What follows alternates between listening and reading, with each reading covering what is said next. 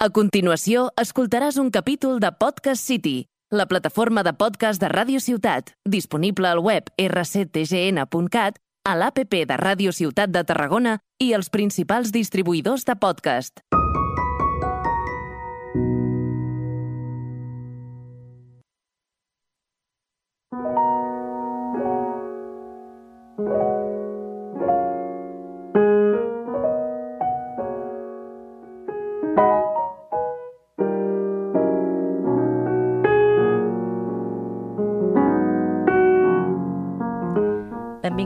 Al podcast de Filosofia de Vida Diària, el podcast on cadascú pot demostrar com afronta la vida, quina filosofia té en el seu dia a dia. Em presento, em dic Montse i no pretenc res més que parlar una estona amb tu. Què necessites? Aquí estic, comenta amb el que vulguis. Aquest és el nostre podcast, el podcast de la gent amb inquietuds, amb una filosofia de vida pròpia.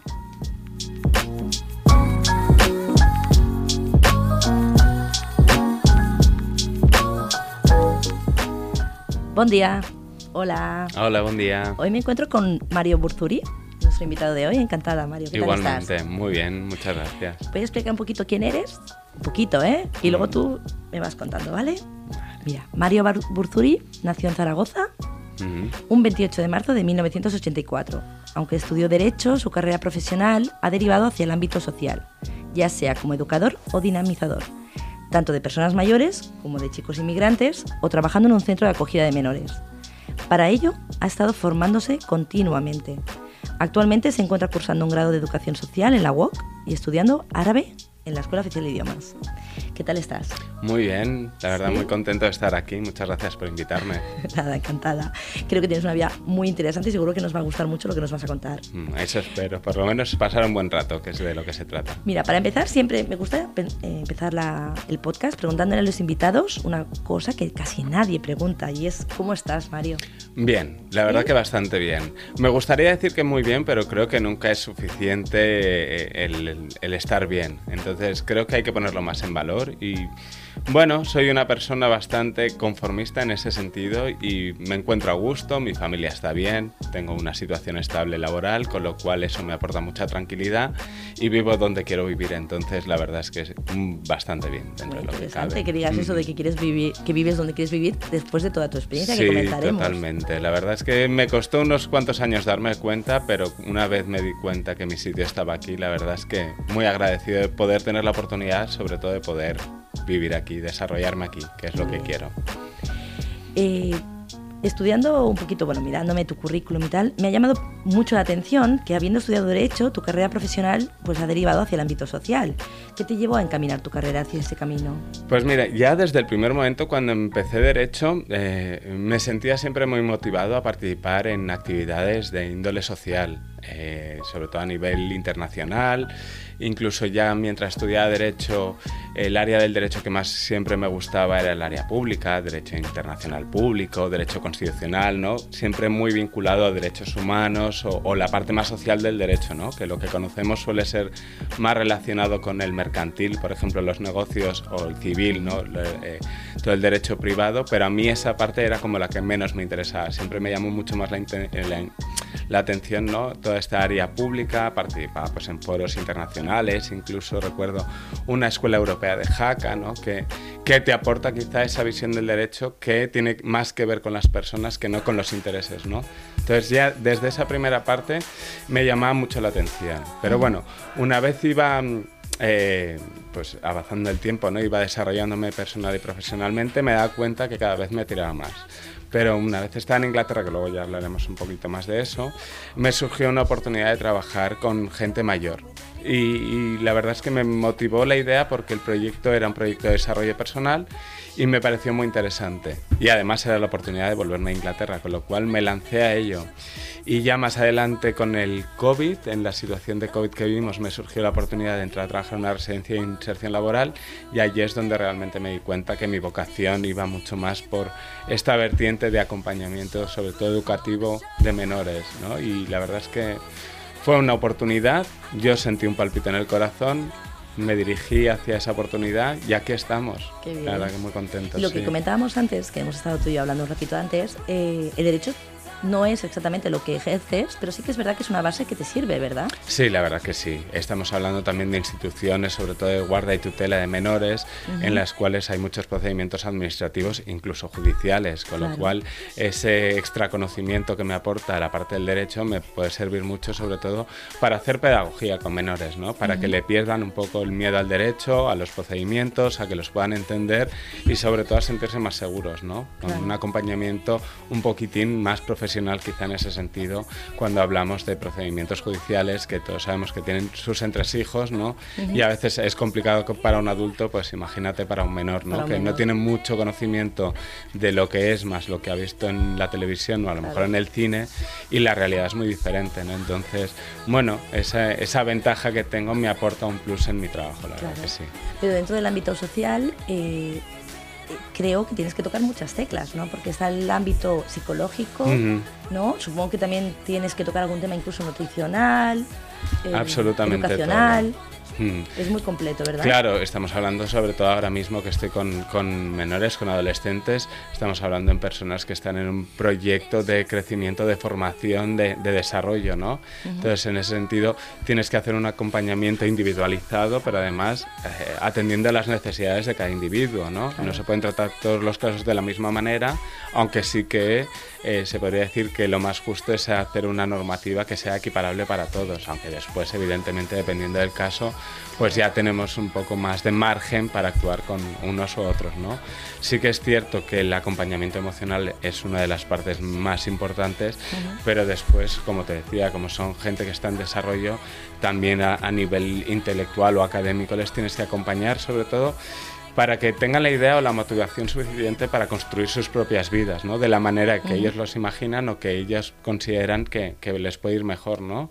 Y esa quizá es la tarea de acompañamiento más importante, el ayudarles a descubrir qué es lo que son y sobre todo qué es lo que quieren ser, ¿no? Y cómo pueden estar bien para, para llegar a ese punto, que creo que es muy, muy importante. Ya, como te comentaba antes, me parece durísimo Sí. De verdad, supongo que es muy enriquecedor, pero yo que tengo dos adolescentes en casa, no me imagino tener... Eh, ¿Cuántas llevas? Seis. ahora mismo tengo seis, aunque a veces siempre, eh, como colaboramos con otros centros, eh, algunas veces viene alguna extra a compartir con nosotros también algunas Te añaden, no te quitan. Sí, no, no me quitan. Quitarme pocas veces, la verdad que no, que hay, hay mucho trabajo por desgracia, pero, pero sí que es verdad que, bueno, con seis adolescentes prácticamente a diario, es complicado a veces lidiar con determinadas situaciones, sobre todo cuando además eres como el referente a la hora de de continuar bien en los estudios, de tener un comportamiento adecuado, sobre todo la convivencia dentro del IAR, los conflictos que existen tienes que gestionarlos, pues bueno,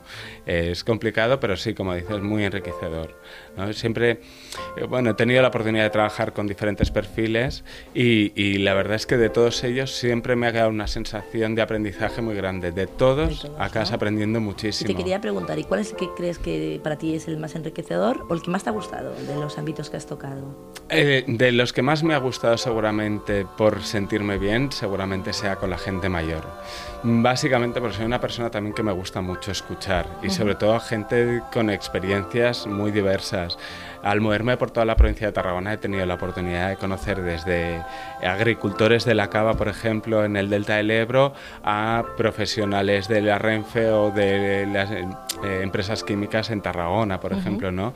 Y te das cuenta como todos desde su conocimiento vital eh, han aprendido a cómo gestionar sus vidas para ser lo más felices posibles, ¿no? Y al final eso es lo que te da darte cuenta un poco de la importancia que tiene más el buscar la felicidad que no el buscar una vida profesional, ¿no? En ese claro, sentido. Es verdad, al final todos buscamos ser felices. La manera es diferente, pero... Sí, totalmente. Y, con gente, pues eso, de 90 años que te explica sus historias de cuando eran jóvenes o cómo han vivido y han desarrollado sus vidas y qué es lo que les ha hecho felices o cuáles son sus preocupaciones a día de hoy, también te hace como abrir un poco la mente, ¿no? Y darle importancia o valor a las cosas que realmente la tienen. A mí lo que me gusta de la gente mayor es que acaba simplificando mucho. mucho, mucho. Se dan cuenta de todo lo superfluo y acaban dándote cuatro directrices de vida que son básicas. Y le dan importancia a las cosas que quieren dar importancia y Exacto. le quitan mucha importancia a las cosas que realmente no la tienen. E incluso, sobre todo hay una cosa que me gusta mucho de la gente mayor, que es que no tiene miedo de decir las verdades. Es verdad. Yo ya no sé si es porque...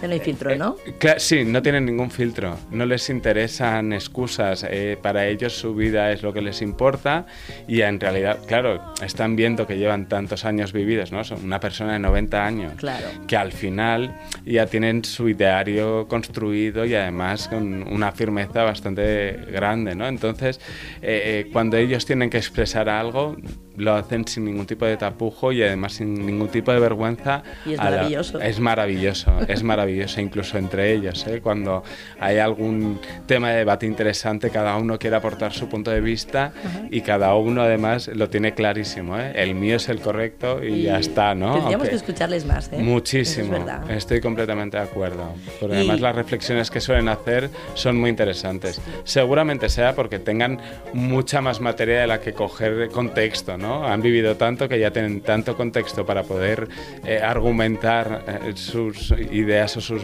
formas de, de vivir o de expresarse que, que están de vueltas ya. Claro, Nos verdad. dan mil vueltas de campana a todos. Y son ellos los que más anécdotas te han... ¿Podrías contarme? O quizás la gente joven, los inmigrantes. Yo creo que tanto los inmigrantes son anécdotas diferentes. Mm. Yo creo que, que los inmigrantes tienen mucho que contar, eh, tienen mucho que contar y muy duro. Muy duro. Lo que pasa que, como comentaba antes, pues es un proceso muy complicado en mucho tiempo. Eh, son gente que han pasado por unos viajes migratorios muy complicados, eh, que han confiado muchas veces en, la gente equivocada, que se ha aprovechado de ellos. Entonces, para establecer luego un vínculo con ellos es muy complicado Claro. porque la confianza, lo que genera el vínculo, es muy difícil de construir con gente que ha sido engañada tantas Claro. veces y que ha tenido su vida en peligro tantas veces también. Pierde la inocencia muy pronto. Mm. Y viven experiencias, yo creo que por edad no les tocaría. Demasiado, demasiado duras, e incluso hablando de esclavitud, por ejemplo, Claro. que es algo que me llamó mucho la atención. Gente que venía de Ghana, que ha pasado por Libia y que ha estado siendo esclavo durante dos años antes de venir aquí. Y, y cómo han puesto en riesgo sus vidas, las condiciones en las que lo han tenido que hacer. Es muy complicado, pero también te da cuenta, ese tipo de experiencias te hacen darte cuenta un poco de lo que realmente importa en la vida, ¿no? Y de Claro. valorar las cosas. Y yo creo que mm, eh, aprendiendo a relativizar, que creo que es una palabra que utilizamos poco y deberíamos Sí. utilizar más, el, el dar el valor justo a las cosas, ¿no? ¿Y para ellos el choque cultural es muy exagerado o tienen conocimiento de cómo somos? Ellos saben, ¿Sí? ellos saben dónde vienen, ellos saben que es una cultura diferente, ellos, bueno, y ellas también, ¿eh? Eh, que las dinámicas son diferentes, tienen muy claro que esto es Europa, que la forma de vivir es diferente, y ellos en ese sentido se adaptan, aunque creo que muchas veces falta el- el- la integración. Ujú. O sea, al final creo que existe una barrera muy grande, muchas veces por prejuicios de la sociedad, Sí. para acercarnos a, a- a ellos, ¿no? O a Claro. ellas. Y a veces les decimos que se convierten en pequeños guetos, ¿no? Mm. Donde viven, los colegios donde van tal. Pero en el fondo yo pienso que es normal que quieran estar con las personas que Los les condenamos entienden. a eso también. ¿No? Mira, y- y yo, aunque ya no trabajo en la residencia de inserción laboral, mantengo contacto con varios chicos que, con los Mm. que yo he trabajado, de Senegal, de Guinea-Conakry, de Ghana, de Gambia, y en algunas ocasiones les he intentado ayudar en, en alguna necesidad, ¿no? Te voy a poner una muy básica que todo el mundo tiene, que es el alquilar una habitación. El hecho de decir que tiene la piel de color negro o que es musulmán cierra muchas puertas. Claro. Entonces, ya el, el hecho de poder acceder a una habitación a un precio justo, que además esté situada en un sitio cercano o decente de tu puesto de trabajo, es muy, muy complicado. Y eso es un mal de la sociedad, porque al final eh, se basan en muchos prejuicios en conocer a los chicos. Sí, Ellos son musulmanes, yo lo, lo conozco, la mayoría, ¿eh? Eh, pero sin embargo son todos súper respetuosos y ellos saben que Europa no es un continente musulmán, pero ellos quieren seguir manteniendo sus raíces, sus tradiciones, su cultura y su religión. Y eso es muy respetable siempre y cuando, de puertas para afuera de la calle, respeten los valores cívicos de la sociedad occidental, ¿no? Entonces, Creo que eso la gente no lo tiene en cuenta y se piensa que todo el mundo que es musulmán es extremista musulmán, especialmente a la gente joven. Quizá también es culpa de algunas malas experiencias que hemos tenido, ¿no? Sí, Entonces, todo al final puede motivar eh, este distanciamiento o esta falta de comprensión. Pero sí. ¿Pero tú mm. crees que la integración no se basa más en el conocimiento? ¿Cómo crees que podríamos ayudar a la gente a que conozca estas nuevas generaciones, estas nuevas vidas, experiencias? A ver, es complicado mm, porque hay una barrera cultural y sobre todo de comunicación por el lenguaje. Mm. Incluso los tonos de la voz cambian, ¿no? Sí. Eh, a veces me encontraba con, con estas problemáticas cuando estaba conviviendo con los chicos. Eh, el tono de voz, por ejemplo, que ellos utilizan a veces es muy elevado y lo que puede parecer un tono de voz agresivo simplemente es un tono de comunicación habitual con tus amigos, tus familiares o con gente con quien tú tienes confianza, ¿no? Claro. Entonces eso es bastante complicado para ellos, ¿no? El, el tener ese hándicap en cuanto a una barrera de comunicación. Pero bueno, creo que sería interesante abrir más los espacios Mm. para, para integrarlos, eh, perderles el miedo. Eh, por, ejemplo, por poner un ejemplo, ¿eh? Eh, muchos sábados o domingos los chicos con los que yo trabajaba iban a jugar a, a fútbol, a los campos de fútbol públicos, ¿no? Y te encontrás eh, la mayoría de partidos que si jugaban 22 personas, 21 eran inmigrantes. Allí indican no que no haya gente joven, sino que no hay un, un lugar o un espacio en el que esta gente se pueda interrelacionar y precisamente generar una red social de apoyo también y de amistad que te ayude un poco a desarrollarte, ¿no? Claro. Es- Eso se- creo que sería bastante fundamental. El hecho de romper esos espacios eh, tan uniformes, o ya sea de inmigrantes o ya sea de nacionales, ¿no? Para mezclarlos un poco y generar ese intercambio que yo creo que puede ser muy enriquecedor. Además, pues es una buena forma también de ayudarles a integrarse, de conocerles, que yo creo que es imprescindible. Y bueno, el, el camino al El final. camino, qué interesante. Estaría Mm. hablando muchísimo más rato contigo, pero tenemos que seguir. Sí, sí, otras adelante, cositas. claro que sí. Qué lástima. Eh, te quería preguntar, cambiando de tema, ¿eh? perdona el cambio, pero es por esto, por el, porque quiero hacerte otras preguntitas. Eh, tú te querías aquí en Tarragona, pero tus primeros pasos en el mundo laboral los hiciste en el extranjero, te fuiste a Londres. ¿Qué tal? ¿Qué fue, ¿Cómo fue esa experiencia? Fue una experiencia brutal.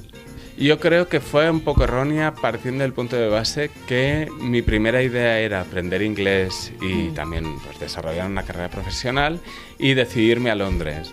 Claro, ¿cuál fue el gran fallo de irme a Londres? Que la mayoría de gente en Londres es de otros países, no son ingleses, con lo cual mi primer objetivo que era aprender bien inglés eh, no se iba a ver suplido ¿no? con, el- con este viaje, pero sí que de todos modos eh, aprendí muchas cosas. Aprendí a valorar mucho el tiempo, sobre todo por las distancias. Las distancias son muy grandes en Londres, entonces eh, pierdes mucho tiempo de tu vida en desplazamientos, que a mí eso me parecía terrible. Y más sobre viniendo en transporte público. Claro, yo soy un- una persona que me gusta mucho caminar y de hecho yo decidí dejar el transporte público para ir caminando a trabajar y caminar cada día 45 minutos. Pero lo agradecía mucho. Eh, tuve la suerte que yo trabajaba en el barrio de Chelsea, que si no has tenido la oportunidad de ir, por favor ve a visitarlo porque es maravilloso, precioso, muy en Londres, pero no bonito. recuerdo ¿eh? haber estado en Chelsea. Pues, pues tiene unas zonas de jardines privados muy bonitos, los edificios son muy bonitos, la gente es muy agradable. Yo trabajaba en una tienda en la que éramos 50 trabajadores y había muy buen ambiente de trabajo. Sí que es verdad que los horarios eran diferentes, pero fue una experiencia muy enriquecedora, sobre todo a la hora de abrir mi mente en los cambios en el trabajo. Esto me lo enseñó mi directora, que era polaca, Aga, mm, me acuerdo mucho de ella, y siempre me decía, antes de poner una queja a un cambio en el trabajo, prueba, mantén tu mente abierta y si no funciona, mira a ver qué puedes mejorar. Sí. Pero si no, no te niegues de primeras. Y eso me sirvió mucho en mi vida. Me abrió muchas puertas, conocí a mucha gente de muchos países, muy interesante. Eh, tuve la oportunidad de desplazarme dentro del Reino Unido, eh, dentro de la misma compañía, con las facilidades que me daba como pagarme el hospedaje. Eh, yo terminé, bueno, terminé a medio paso, eh, eh, era barista, que tuve que hacer formaciones para, para hacer de barista, pero al haber, al haber trabajado en Londres, la verdad, una vez salí de allí, que me fui para Leeds y estuve también cerca de Newcastle, en una población que se llama Durham, eh, yo ya dije, soy capaz de hacer todo. Si he podido gestionar la cafetería de Londres, en la cual hacía unos 800 cafés en mi jornada laboral, decía, ya lo puedo hacer absolutamente todo. Y la verdad es que fue así. eh, eh, mi paso por Leeds, que fue al año y nueve meses de estar en Londres, fue genial, la verdad. Eh, me fui a una ciudad de estudiantes en la cual el 80% de mis compañeros de trabajo eran ingleses, no había tanto español, que por ejemplo en Londres sé que había mucho español o italiano, mucho latino. Entonces al final generamos nuestros propios guetos también mediterráneos. Y tú allí eras inmigrante. Totalmente. totalmente allí eras tú. ¿Realmente nos tratan mal? ¿Están hartos de nosotros? Eh, no diría que es Inglaterra, diría que es Londres. Londres. Eh, pero ya te digo, después estuve en Leeds, incluso en Durham, que esto me parece muy importante resaltarlo, en el cual Durham, eh, de todos mis compañeros de trabajo, era el único español y de toda la población sería de los 10 españoles o latinoparlantes que estuviéramos por allí. Y la gente de allí, la típica abuela que se va a la cafetería a desayunar, el típico veterinario que tenía la tienda cerca, eh, los estudiantes, recuerdo uno especialmente que era estudiante de filosofía y teología con el que tenía unas charlas espectaculares y me sirvió mucho para la comunicación, para aprender el inglés de la calle, diario, de la vida familiar, de la vida de pueblo, de, bueno, de la rutina, ¿no? Y, la gente era maravillosa y era muy agradable. Y de hecho tenía mucho interés por mí porque era como lo exótico, ¿no? Mira tú, de, de Inglaterra a España, pero al ser de otro país era como la novedad. Y tuve la suerte también de coincidir con algún escalador que le gustaba mucho venir por Siurana a escalar y entonces ah, eso también hacía que desarrollaras otros campos de lenguaje ¿no? que, a los que no estás habituado en tu vida diaria. ¿no? Y me pareció una experiencia muy, muy enriquecedora, la verdad. ¿Por qué decidiste volver? Varias cosas. Una, el tiempo. El clima, Es, es, un tópico, pero es cierto. Eh, nosotros, al ser mediterráneos, yo me considero muy mediterráneo. Más que europeo, considero que soy muy mediterráneo. ¿Por qué? Porque soy una persona que me gusta mucho estar en la calle, en contacto con la gente, eh, y, no me gusta estar encerrado. Entonces, allí muchas de las relaciones sociales son encerradas, porque el clima también invita a eso. Entonces, em, la gente es más cerrada, los ingleses, los que son ingleses puros, tienen una forma de relacionarse que quizá es muy diferente a la nuestra, yo no terminé de encajar, el clima no me gustaba, eh, veía que mi carrera profesional estaba como un poco estancada allí y me surgió la oportunidad de volver. También es verdad que soy una persona muy familiar y mi hermano iba por el segundo hijo ya, y ya sabes que tiene cuatro, iba por el segundo y me da la sensación un poco que me estaba perdiendo, también esa parte familiar. Y yo que siempre he sido, eh, mis vacaciones siempre han ido condicionadas a la familia, a lo que vamos a hacer en la familia, navidades o verano, pues claro, decía, yo no me puedo estar perdiendo esto. Tan lejos, ¿no? Y claro, tan lejos, te estás perdiendo muchos pasos. ¿Y, ahora cómo ves el país? ¿Cómo, ¿Para que estás desde fuera con todo lo que está pasando del Brexit y demás. ¿Cómo lo ves? Inglaterra. Mm. A ver, eh, Creo que um, no han sabido enfocar bien la importancia de formar parte de, un mundo globalizado. Se han querido salir para desmarcar pensándose que solo les iba a ir mejor y creo que se han equivocado bastante. De hecho, ellos mismos, poco a poco, ahora veremos lo que pasa en Escocia, pero creo que se han creado un problema ellos mismos, porque además la mayoría de la gente de allí les encanta España, les encanta venir. Mi cuñado, el, marido de mi hermana, es inglés y conozco muchos otros casos que una vez han venido aquí y han decidido quedarse, sobre todo por esa sociedad más abierta, más amigable, más sociable, que te invita a participar. y eso que estamos hablando de Cataluña, que somos un poquitín más cerrados para eso. Sí, es verdad. Pero en comparación con, con Inglaterra, somos otro mundo completamente diferente, otra forma de relacionarnos. Y ahora que estás aquí, porque tenemos que ir acabando, me, mm. sabe fatal, Mario, porque me encanta hablar contigo. Pero me gustaría que me comentaras cómo ves Tarragona, pero no desde un ámbito político, sino como mm. tarragonense, ¿qué, ves?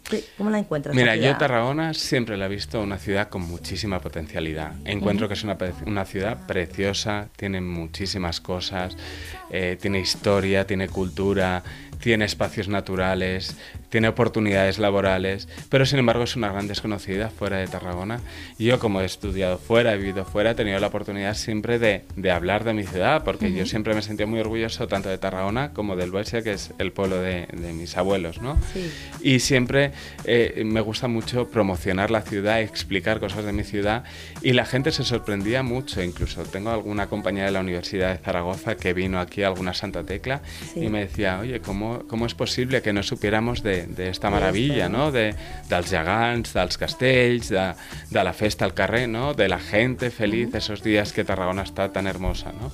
La veo últimamente como muy copada de turistas, veo que hay muchísimo turismo, cosa que me agrada porque al final le da vida a la ciudad, pero creo que esa oportunidad que nos da el turismo no la estamos sabiendo aprovechar para Totalmente potenciar más la ciudad. Totalmente de acuerdo. Eh, creo que es una lástima. Bueno, al final cuando has viajado un poco por el mundo, por Europa, has visto ciudades también que tienen una herencia romana como, como nuestra ciudad, ¿no? Y ves cómo lo tratan, cómo lo cuidan o cómo lo promocionan. Y, y cuando tú eres consciente de lo que tienes y ves lo, lo maltratado que está en ese sentido, de falta de cuidado, de promoción, porque de limpieza es increíble en comparación, no sé si has estado en Roma o Sí, en sí, Croacia, Roma que tienen tanta cosa en realidad, pero no sé si es precisamente porque tienen tanto, que lo tienen tan descuidado, que entonces valoras lo que tú tienes, ¿no? Y dices, eso ostras, ¿cómo puede ser que nosotros teniendo tanto no seamos capaces de enriquecer más la ciudad, ¿no? De- Tenemos un núcleo metropolitano, un área con Reus también, que, que es una gran potencialidad para generar una zona de riqueza y de, de trabajo, ¿no? Que, que nos puede favorecer a toda la sociedad y veo que, que, bueno, nos falta un poco de arrancar. No sé si es que no nos lo acabamos de creer o creemos que al estar cerca de Barcelona y de Valencia, que son áreas de influencia Sí. grandes, o Zaragoza, nosotros nos quedamos atrás, pero, pero creo que tenemos muchísima potencialidad. Yo la también estoy totalmente de acuerdo y a veces pienso que no sé qué parte de la ciudad o de la ciudadanía no quiere cambiar. Sí, hay muchas, bueno, hay mucha gente Porque que le está que- muy bien el, Exacto, que el les está estar como bien. estamos. Exacto, ¿no? Sí, que la sí, ciudad sí. Esté así dormida ya les va bien. Muy dormida. El ocio en esta ciudad no puede ser que No esté en las ser. circunstancias en las que está. Vale. No, te, te- te decía, sí, yo tengo amigos de fuera que cuando vienen aquí me dicen, no entiendo cómo podéis vivir sin tener Ocio, Ocio, ¿no? Yo recuerdo, además, yo recuerdo hace 20 años que estaba en la universidad, que Tarragona tenía una vida Mm. Sí. nocturna tan entretenida, tan diversa. La gente quería venir aquí y ahora la gente no quiere. Sí, no harán los tendríamos que mirar. Sí. cuando salgan. A ver. Bueno, tenemos que ir acabando. Mm. Y para acabar, me encanta que alguien, me, mis invitados, me digan una canción que les ponga muy contento y por qué, Mm. ¿vale?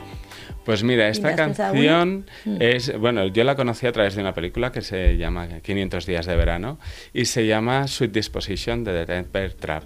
Es una canción que a mí me da unas vibras de relax, de chill, de buen humor y sobre todo de, de dar importancia a las pequeñas cosas, a un beso, a un sueño, a una vida, a vivir la vida. Y creo que, que Tarragona, precisamente recuerdo un, un momento concreto en un piso en el que vivía en calle Gasómetro, que era un sobreático, ver un atardecer escuchando esta canción, tomándome un café y decir, soy feliz, estoy a. gusto y me gusta esto, ¿no? Qué Me hace maravilla estar disfrutar en de los pequeños momentos, ¿verdad? Sí, mucho. Una maravilla hablar contigo, Mario. Igualmente, Monse. Gracias, guapísimo, por venir. Gracias a ti por invitarme. Y a los demás, nos vemos en el próximo capítulo. Hasta la próxima.